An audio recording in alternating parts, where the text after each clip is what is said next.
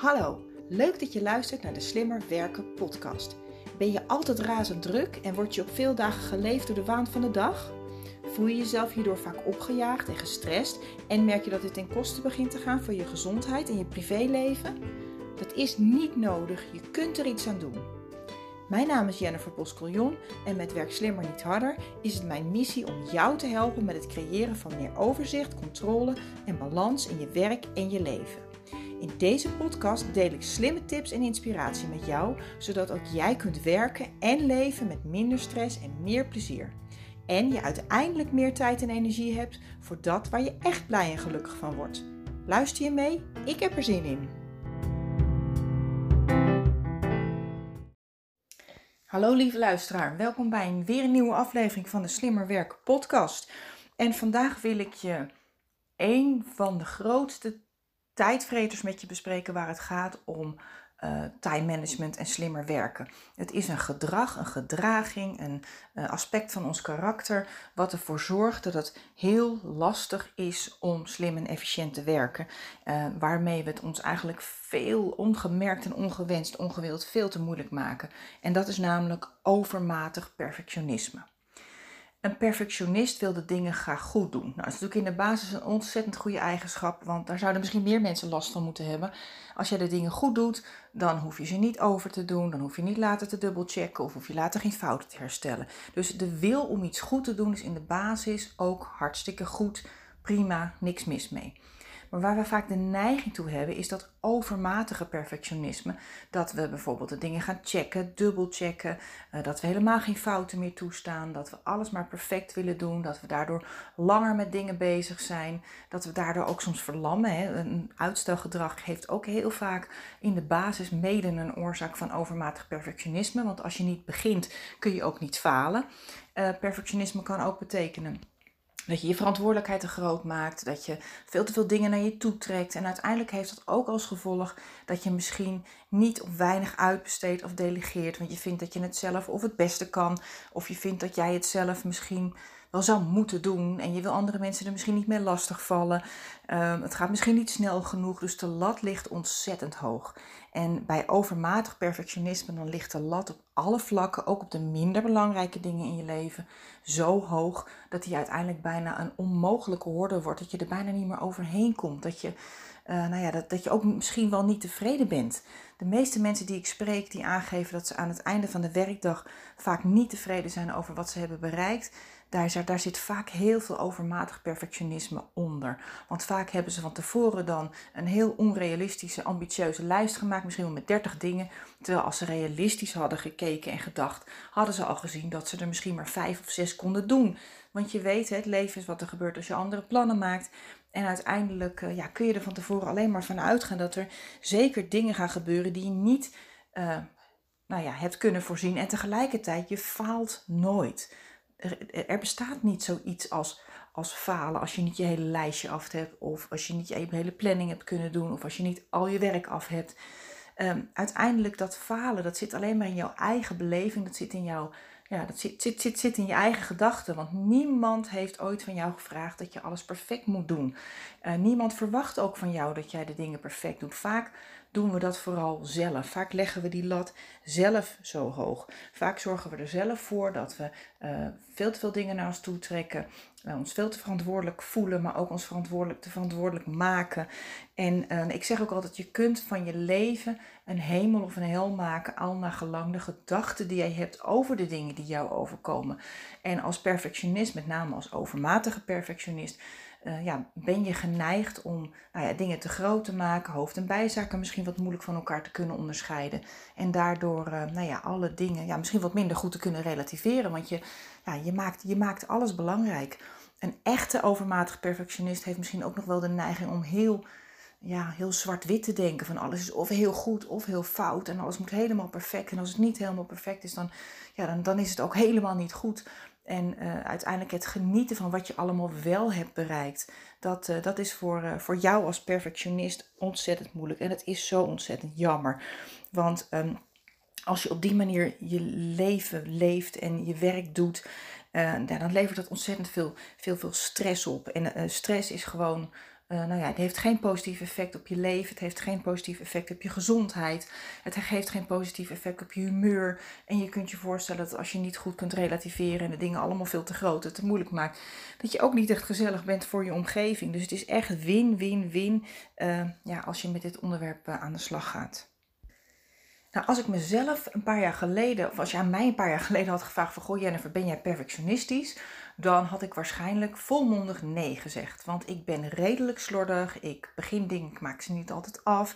Ik vergeet nog wel eens dingen, ik gooi nog wel eens wat om. Of, um, ja, dus ik ben in mijn, met name mijn hang naar snelheid naar efficiëntie en veel dingen gedaan krijgen uh, ja, wil ik nog wel eens wat zorgigheidsfoutjes maken. Dus op die manier ben ik niet perfectionistisch.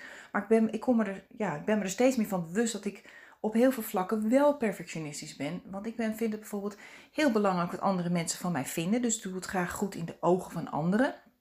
Dus dat is een, eh, een uiting. Daarbij heb ik altijd een veel te ambitieuze lange lijst met dingen die ik op een dag wil doen. Uh, dus dat is ook een, een, een, bepaalde manier van perfectionisme of een mate van perfectionisme. Dus het perfectionisme heeft niet altijd heel veel. Nou, is niet, niet alleen maar gaat perfectionisme over uh, dat je ergens heel lang over doet, of dat je check, dubbel checkt, of dat je heel erg in detail gaat, dat ook. Maar bedenk dat uh, nou, misschien, misschien die uiting van perfectionisme, hè, dat, die, die wil om andere mensen te helpen, veel te ambitieus zijn in ja, de lijstjes die je maakt, hoe je je tijd plant, gewoon te veel, te veel, te veel willen doen in te weinig tijd, dat zijn ook uitingen van uh, overmatig perfectionisme. En dat zijn ook zaken die ervoor zorgen dat je aan het eind van de dag niet tevreden bent met wat je allemaal wel hebt gedaan. De oorzaak van overmatig perfectionisme uh, is best lastig te bepalen. Want zoals ik al eerder heb ik een keertje in een andere aflevering heb verteld, is um, wij groeien ons karakter in onze jeugd, in onze vroege jeugd. Zo'n beetje de eerste zeven levensjaren. Um, ik heb toevallig van de week in een andere podcast gehoord dat we dan in een soort uh, meditatieve staat, een soort downloadstaat zijn. Dus de eerste zeven levensjaren heb je zeg maar een lege harde schijf en die wordt gevuld met alles wat je ziet, alles wat er om jou omheen gebeurt, op school, uh, bij je ouders. Dus op het moment dat je al geboren wordt, dan zie je al van is het veilig of niet. En op een gegeven moment in die eerste zeven levensjaren ga je dus ook een... Uh, ja, een soort overlevings, een, primair overlevingsmechanisme ga je in werking stellen. En dat ga je in de jaren daarna, ga je dat perfectionisme, uh, ga je dat perfectioneren, ga je dat uitbouwen. En uh, ja, in het meest ideale geval ben je dus een gezonde versie hè, van, dat, van dat overlevingsmechanisme. Maar ja, het kan ook zomaar zijn dat je, ik weet bij mezelf bijvoorbeeld, dat met name dat perfectionistische gedrag, waar het ging om altijd maar haast hebben en altijd maar alles af willen hebben. En um, waar, waar het in in een aantal jaren, zo'n beetje toen ik net volwassen was, toen ik 25 eh, was, zo'n beetje dat ik begon met werken, merkte ik dat ik ook heel perfectionistisch begon te worden in thuis. Dat thuis moest het opgeruimd zijn en ik moest op mijn werk alles goed doen. Uh, ja, en dus uiteindelijk merk je vaak dat je in een soort crescendo gaat hè, van je, je jeugd, je kindertijd tot aan ergens 25 en dan ben je een beetje af, zeg maar. En, en tegen die tijd uh, ja, heb je je karakter ontwikkeld alles wat we doen levert ons in de basis iets op. Dus als jij jezelf herkent in een aantal uh, van die perfectionistische uh, gedragingen, uh, karaktereigenschappen die ik net benoemde, um, activiteiten, manier van denken en werken en handelen, um, ja, dan heb je dat, levert je iets op. Uiteindelijk levert je het je iets op. Dat is natuurlijk met alle overlevingsmechanismen die wij in onze jeugd hebben gecreëerd of missen hebben ontwikkeld. Um, en perfectionisme levert jou ook iets op. Perfectionisme levert je bijvoorbeeld op dat je bezig kan zijn, dat je nuttig uh, voelt, dat je een bijdrage kan leveren. Het kan zomaar zijn dat, dat je anderen daarmee, uh, nou ja, dat je misschien wel complimenten krijgt, dat je waardering zoekt, of uh, dat je anderen niet wil teleurstellen bijvoorbeeld. Of ja, uiteindelijk zijn er, een, zijn er een aantal dingen die het jou opleveren. Alleen dat is met heel veel dingen die wij op een gegeven moment aan onszelf aanleren, hè, die we inslijten, uh, gewoontepaadjes die we in onze hersenen inslijten. En ik heb al eerder in een aflevering verteld dat elk paadje wat je hebt ingesleten, wat je niet meer dient, dat je dat opnieuw kunt inslijten. Of in ieder geval misschien wat minder diep kunt inslijten, wat behapbaarder maken. Uh, in principe levert het ons iets op. En perfectionisme levert ons meestal op erkenning, waardering, genoegdoening, gezien worden, gehoord worden. we willen graag liefde, we willen graag, uh, nou ja, we willen graag een bijdrage leveren aan de wereld. We willen er graag toe doen. En dat is wat perfectionisme jou en mij waarschijnlijk oplevert.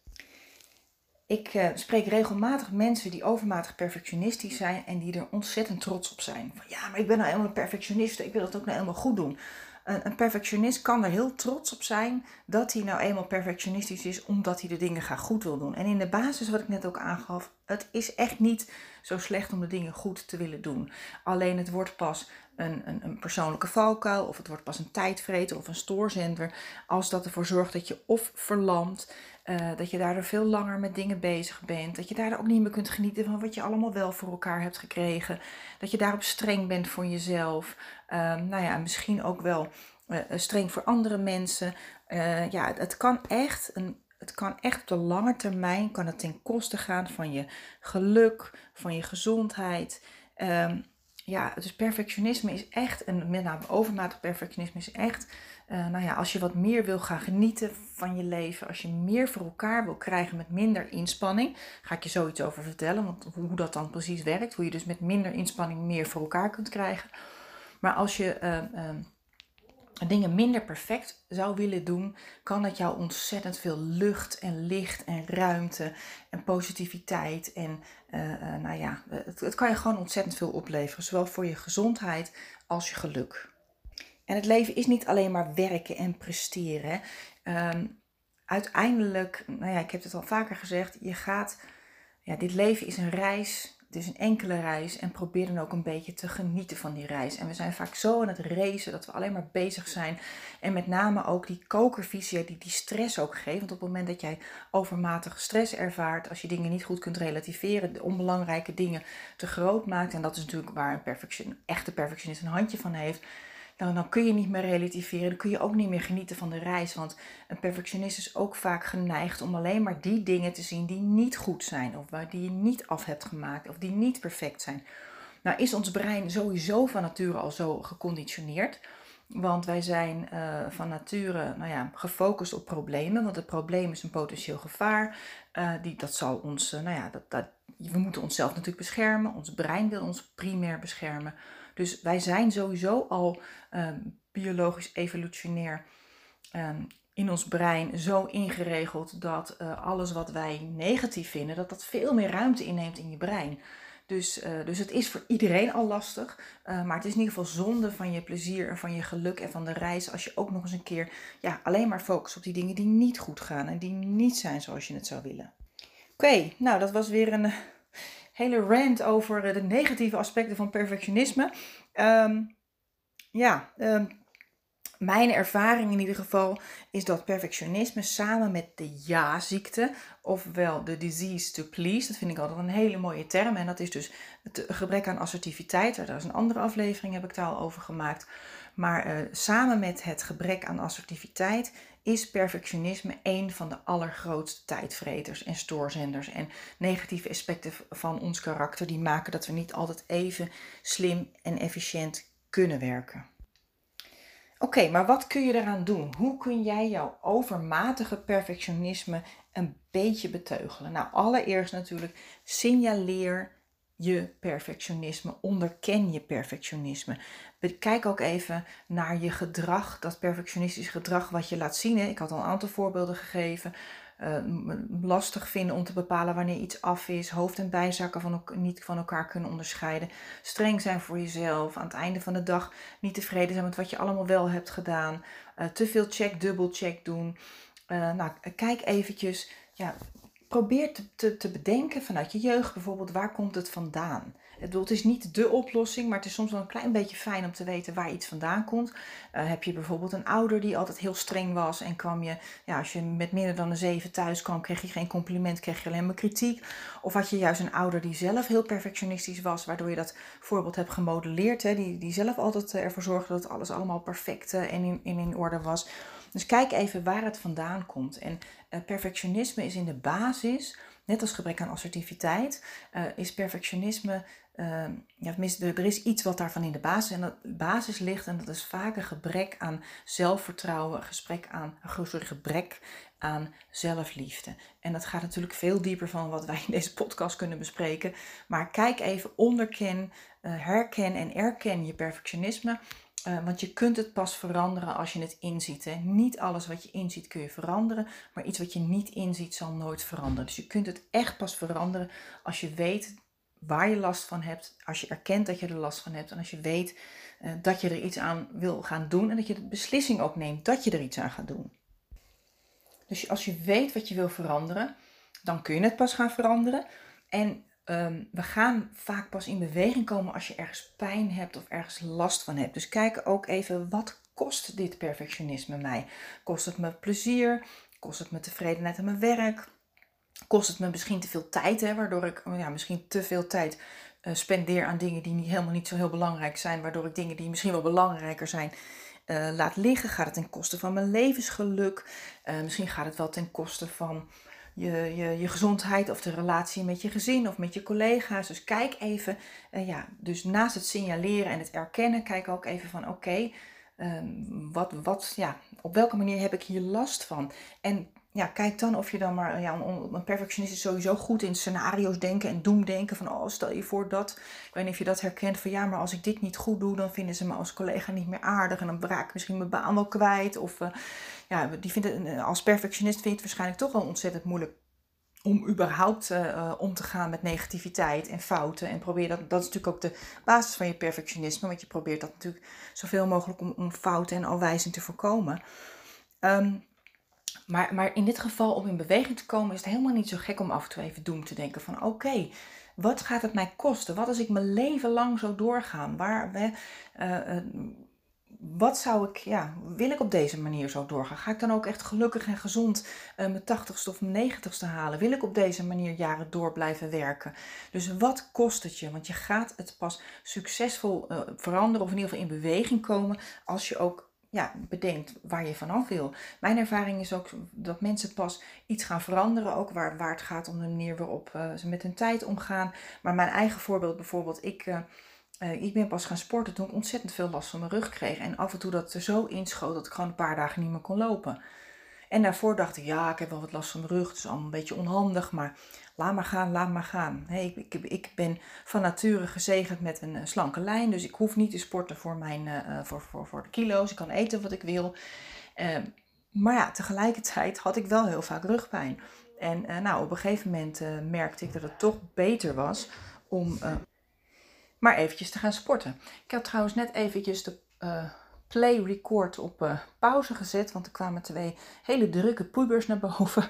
En dan dacht ik, toen dacht ik van, oh nee, het gaat over perfectionisme. Het maakt helemaal niet uit als er een geluidje op de achtergrond is. Maar ja, dan, uh, dan is mijn primaire reactie toch even op de pauzeknop. Dus misschien heb je een kleine hapering gehoord. Maar in ieder geval, hè, dus signaleer je perfectionisme, erken het. Kijk wat het je gaat kosten op de lange termijn, zodat je eindelijk in beweging komt. Oké, nou de volgende tip is probeer te relativeren. En dat klinkt echt zo van, ja, duh, als ik dat had gekund, dan had ik ook geen perfectionist geweest. Ja, dat weet ik ook wel. Maar relativeren uh, is toch iets wat je met je rationele brein kunt oefenen. Nou, als mens hebben wij, zijn wij gezegend met een rationeel brein. Je hebt een oerbrein, je hebt een, uh, een zoogdierenbrein. Uh, maar met ons bewuste brein zijn, kunnen wij ons bewust zijn van ons handelen. Wij kunnen reflecteren op ons denken en we kunnen reflecteren op ons handelen.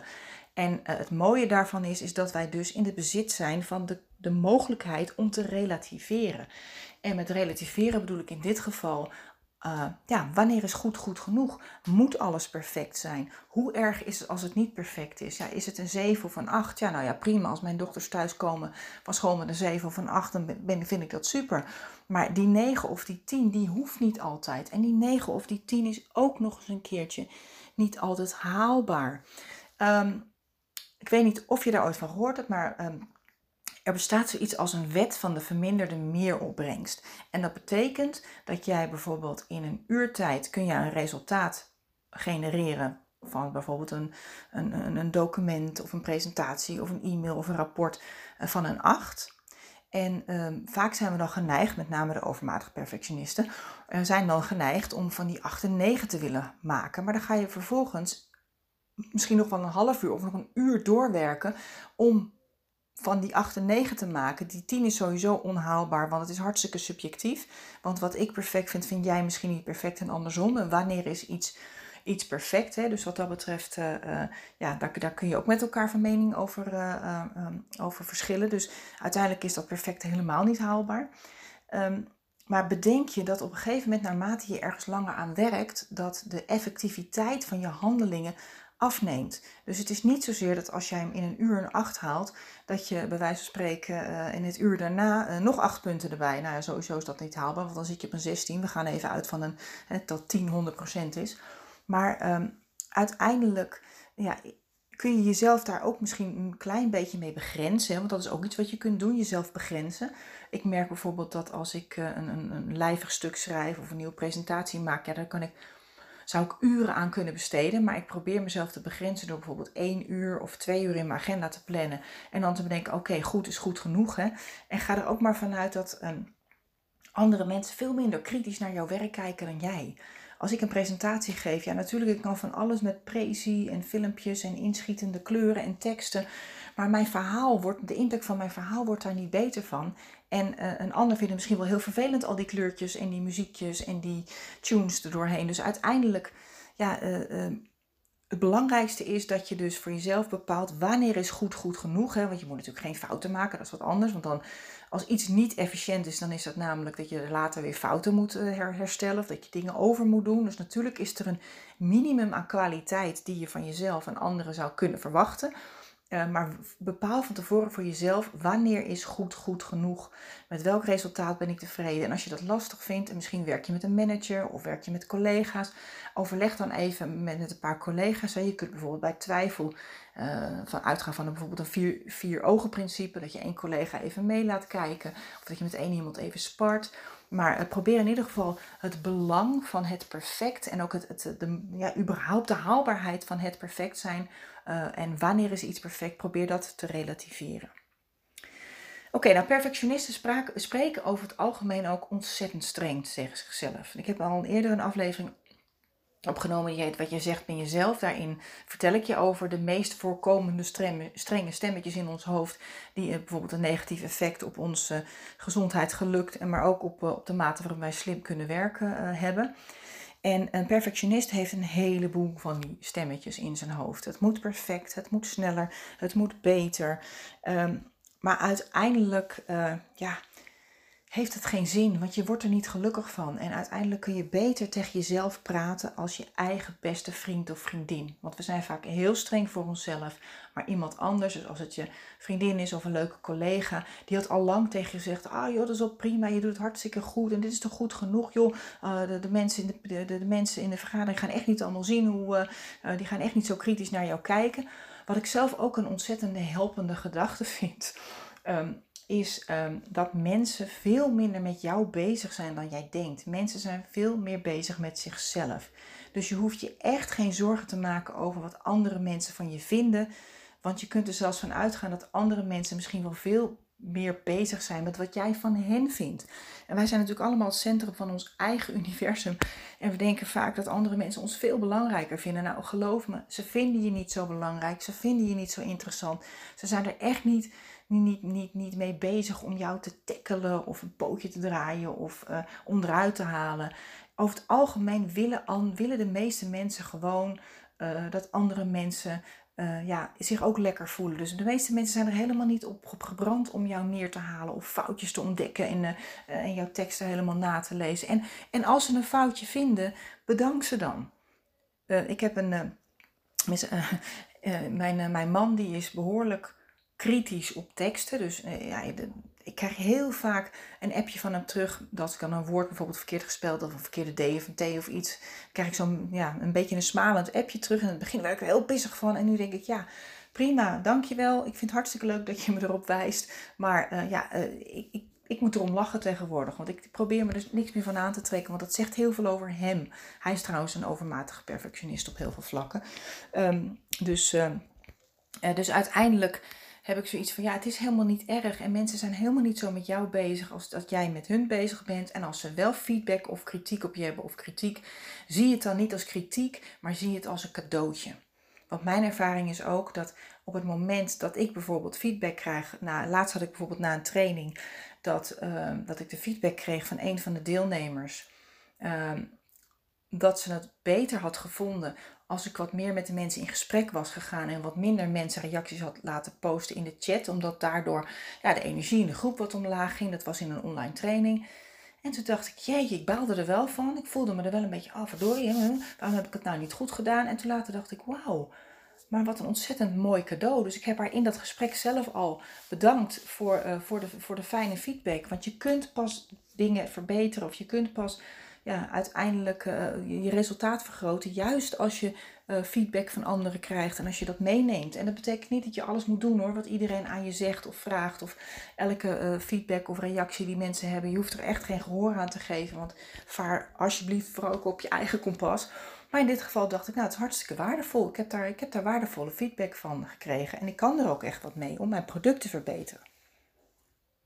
Als perfectionist ben je waarschijnlijk ook heel erg geneigd om overmatig in te zetten meer dan 100%. Ik hoor vaak mensen, ja, maar ik geef me altijd 120% of 200%. Nou, bullshit, dat kan niet. Het is niet logisch, het is niet mogelijk. 100% is de max en het is ook helemaal niet wenselijk. Het kan ook helemaal niet. En ook jij hoeft niet meer dan 100% te geven. Doe gewoon je dingen goed. Doe ze goed genoeg. Maar uh, ja, probeer ze niet beter dan goed te doen. Want uiteindelijk, nou ja, wat ik net vertelde, die wet van de verminderde meeropbrengst zorgt ervoor dat hoe langer je ergens aan werkt, hoe minder de meeropbrengst uiteindelijk is.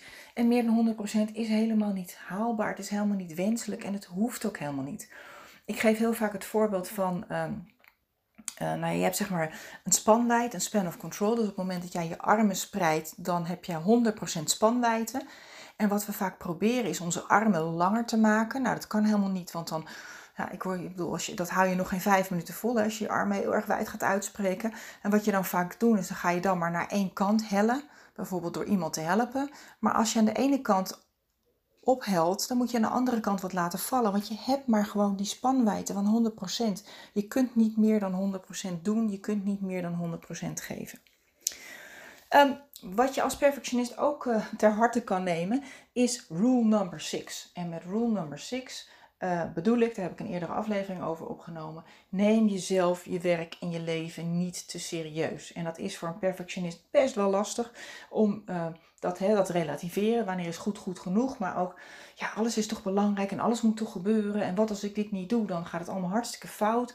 Uh, dat met name dat absolute denken in alles of niks, dat, uh, dat is ook een, ja, een trekje van, van een overmatig perfectionist. Maar neem het niet te serieus. Echt waar, er gaat niks fout, er gaat niemand dood. En met name in de meeste ja, situaties waar jij en ik ons werk in doen. In mijn geval bijvoorbeeld als deze podcast niet perfect is, er gaat niemand dood.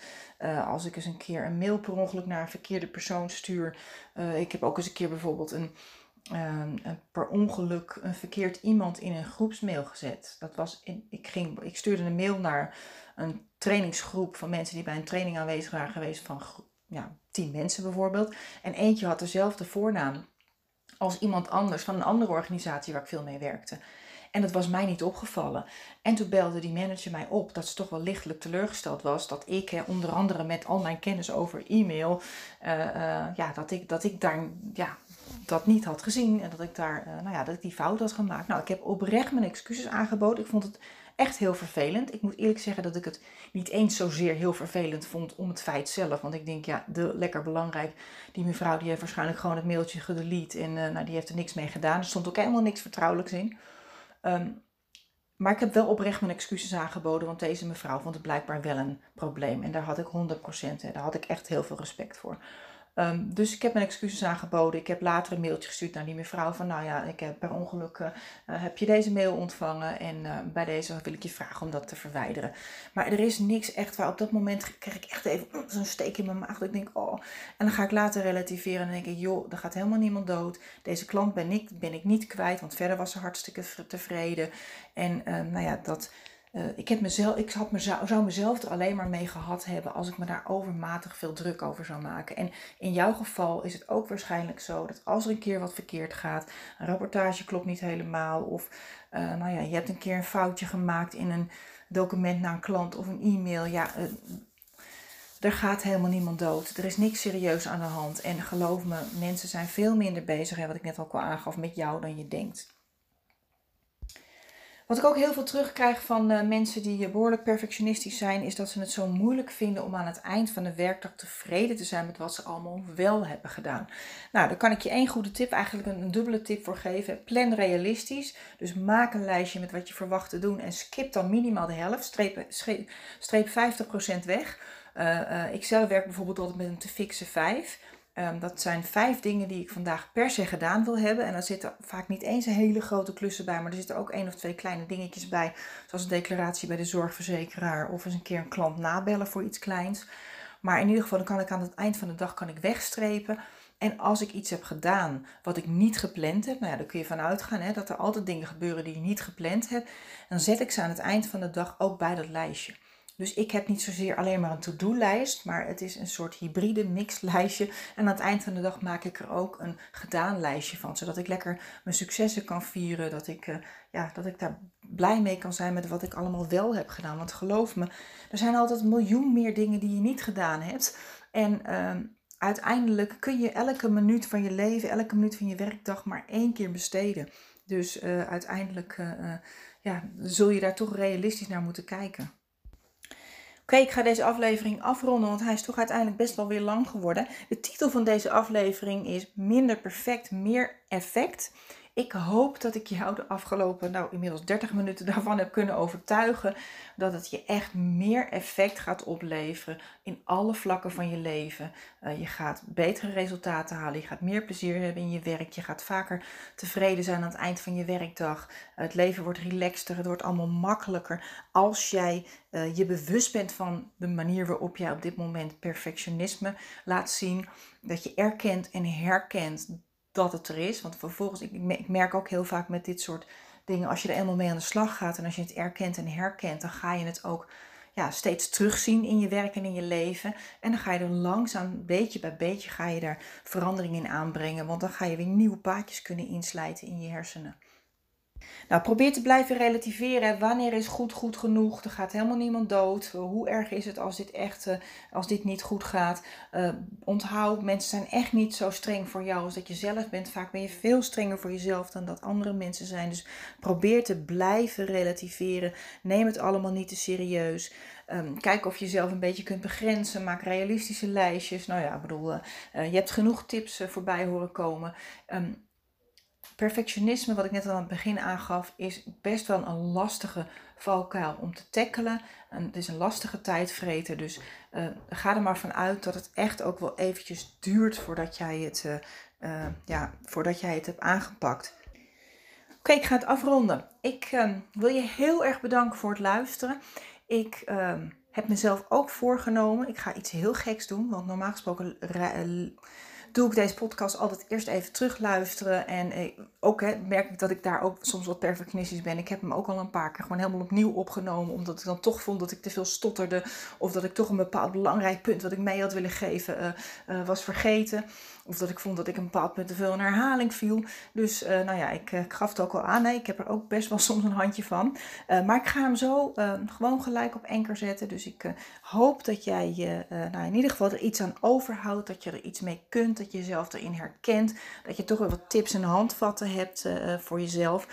Um, ik wil je ook heel erg vragen, mis, ik wil je ook vragen of je deze podcast wilt delen met iemand in je netwerk waarvan jij denkt, oh, die zou er ook zo ontzettend veel aan hebben.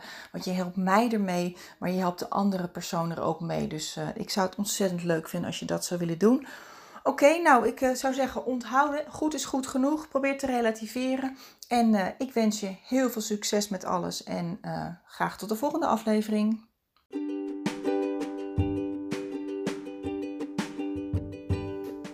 Bedankt dat je hebt geluisterd naar de Slimmer Werken podcast. Ik vertrouw erop dat je ook deze keer weer nieuwe ideeën en inspiratie hebt opgedaan. Met Werk Slimmer Niet Harder wil ik zoveel mogelijk mensen inspireren om slimmer te werken met betere resultaten en meer plezier. Ik nodig je dan ook uit om deze podcast te delen met iedereen die je dit ook gunt.